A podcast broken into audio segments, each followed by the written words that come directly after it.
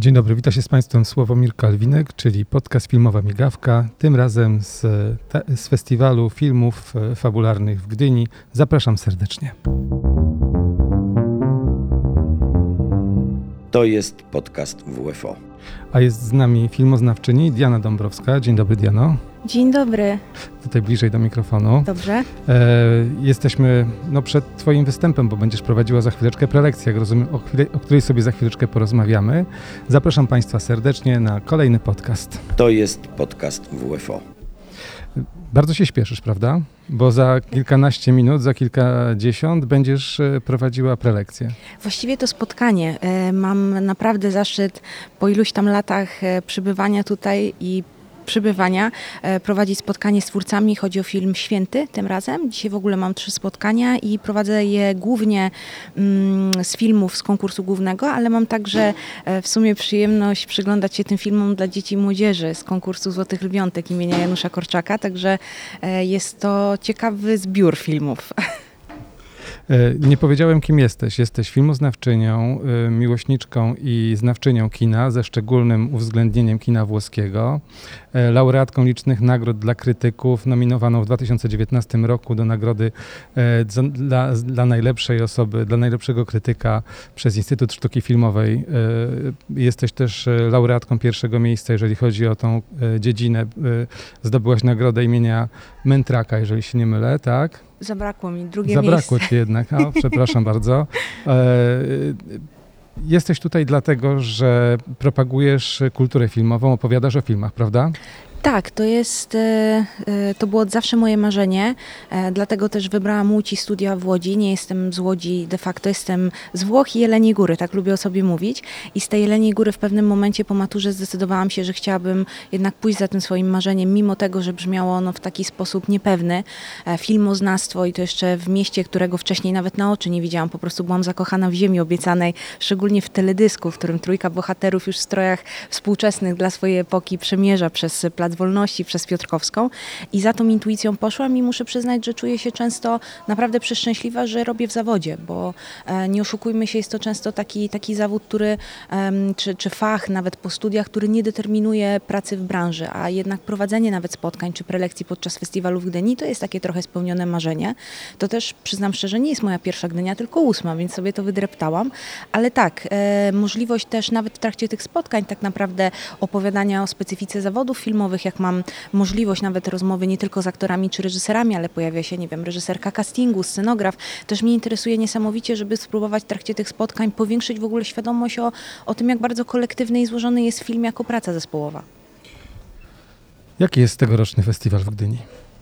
Powiem Ci, że w zeszłym roku miałam od razu jakichś swoich faworytów. Ja też mam e, znów e, taką szansę, żeby zobaczyć kilka filmów wcześniej. Szczególnie do tych dostaję dostępy, do których prowadzę spotkania. Dostaję je legalnie, żeby nie było. I, I gdzieś staram się wypośrodkować między oglądaniem na miejscu i właśnie tą wiedzą, którą mam wcześniej.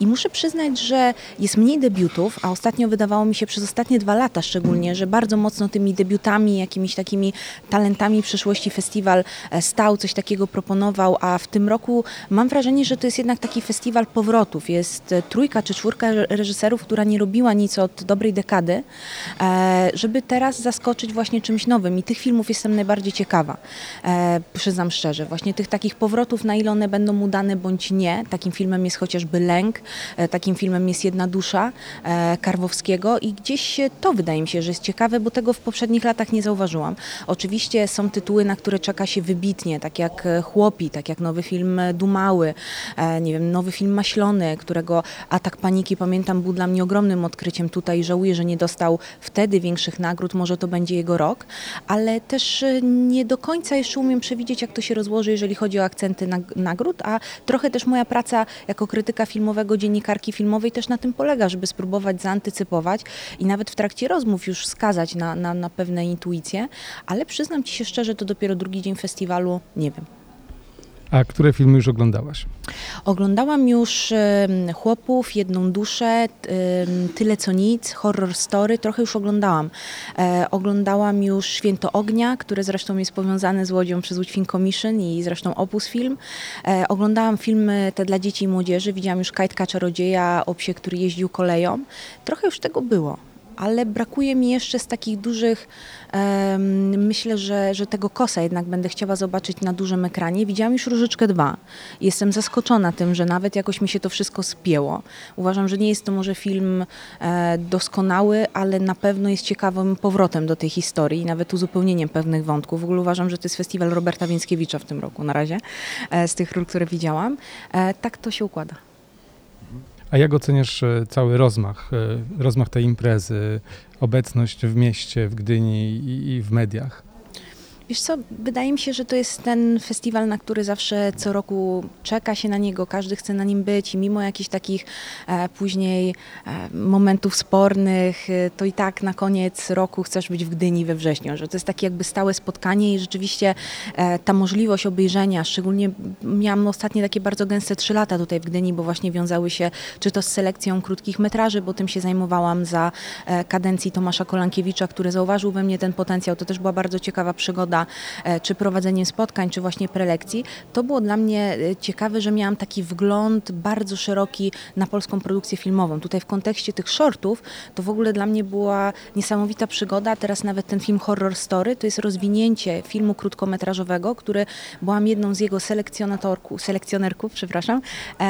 Dwa lata temu to się nazywało Stancja i teraz w ogóle możliwość zobaczenia, jak ten projekt e, kiełkował i jak to się rozwinęło naprawdę bardzo fajnie na, na pełny metraż, to jest, e, to jest taka przygoda, której się nie spodziewałam. Zresztą w ogóle mam wrażenie, że też ta dbałość właśnie o tych młodych, najmłodszych twórców z różnych szkół filmowych e, w ramach tych shortów, to też jest coś, co Gdynię bardzo mocno wyróżnia, Gdynię, Gdynię i Koszalin.